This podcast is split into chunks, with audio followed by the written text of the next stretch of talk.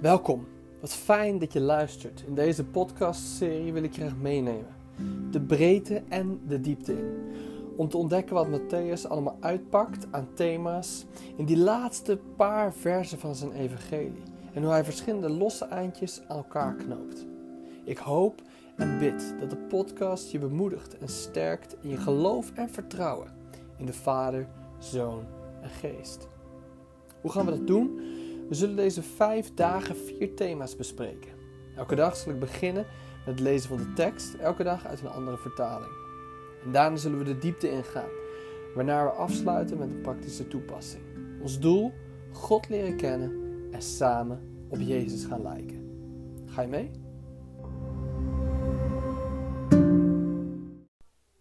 Jezus kwam dichterbij en zei tegen hen: God heeft mij alle macht gegeven in de hemel en op aarde. Trek erop uit en maak alle volken tot mijn leerlingen en doop ze in de naam van de Vader, van de Zoon en van de Heilige Geest. Leer hun alles onderhouden wat ik jullie heb opgedragen en wees er zeker van. Ik ben bij jullie, van dag tot dag, tot aan de voltooiing van de wereld.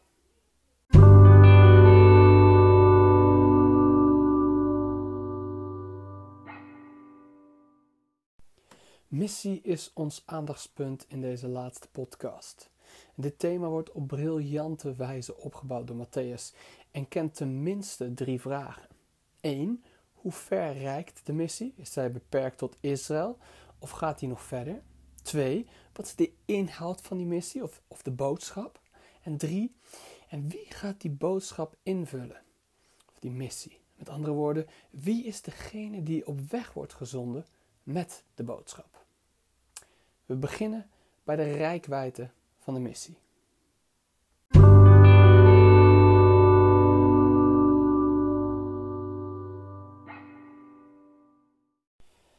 Matthäus presenteert zijn visie voor de goede hoorder opnieuw meteen in het openingsvers. Want hoewel de focus op David ligt, begint Matthäus bij Abraham. Abraham wiens roeping het was om alle volken tot zegen te zijn in Genesis 12. En daarin ligt de eerste hint naar de wereldwijde koningschap van Jezus. Deze lijn loopt van de heidense wijze die Jezus eer komen bewijzen in hoofdstuk 2 tot de uitspraak van de heidense centurion die zegt: Hij was werkelijk Gods zoon in hoofdstuk 27. En daartussen vinden we een spanning. Komt Jezus alleen voor Israël of is het breder dan dat? Zo lezen we in hoofdstuk 10 dat Jezus de uitzending van de leerling beperkt tot Israël. Maar deze spanning is nu voorbij in hoofdstuk 28. Maak alle volken tot mijn leerlingen. Niet alleen de Joden, maar ook de heidenen. Hier had Jezus al naar gehint in hoofdstuk 24 en 25 met betrekking tot wie er bijvoorbeeld zullen aanliggen in het koninkrijk van de hemel. Dit brengt ons op nog een ander interessant gegeven het begin en het einde van Matthäus verbindt.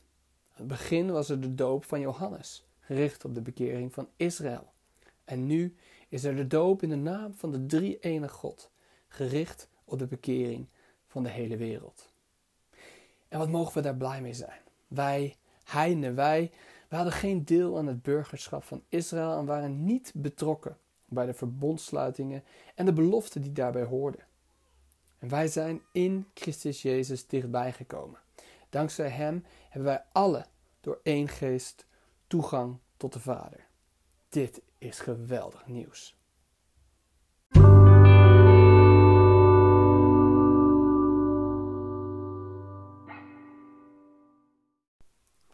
Oké, de, de rijkwijde van de missie is dus alle volken. Alle volken moeten zijn leerlingen worden. Wat is dan de inhoud? Wat wordt er verkondigd?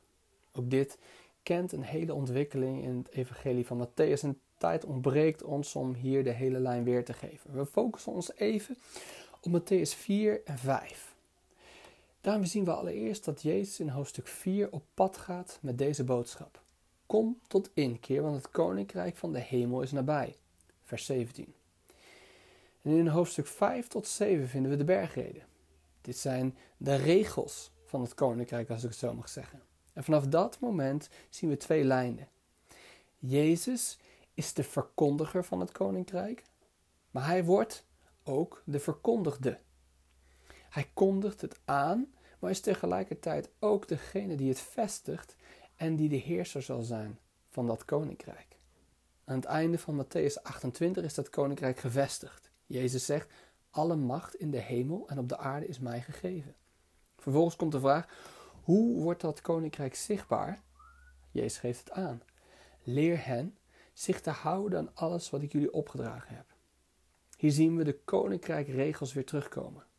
Burgers of onderdanen van het koninkrijk zijn zij die leerling van de koning zijn. Kort gezegd is dit hun, maar ook onze opdracht. Jezus is koning. Hoe krijgt dat vorm in jouw leven?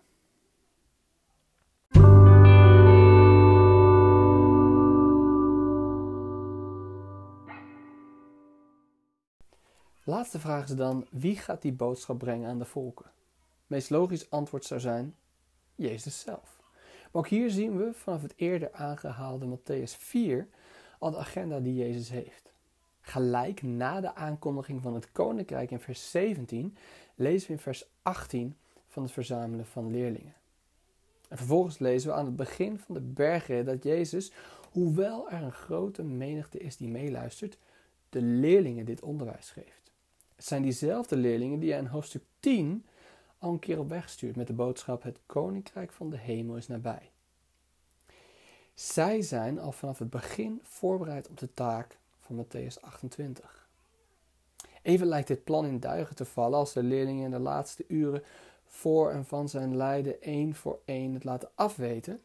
Maar nu is de cirkel rond. Ze zijn terug op de plek waar het allemaal begon, in het voor hen bekende Galilea. En nu blijkt het koninkrijk is aangebroken, zijn het deze leerlingen die daarvan de verkondigers mogen en zullen zijn. Het kleine mosterdzaadje staat op het punt een enorme woekerplant te worden, die zich gaat verspreiden over de hele aarde. Halleluja.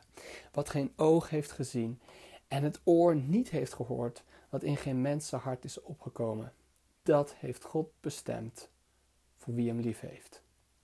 Amen.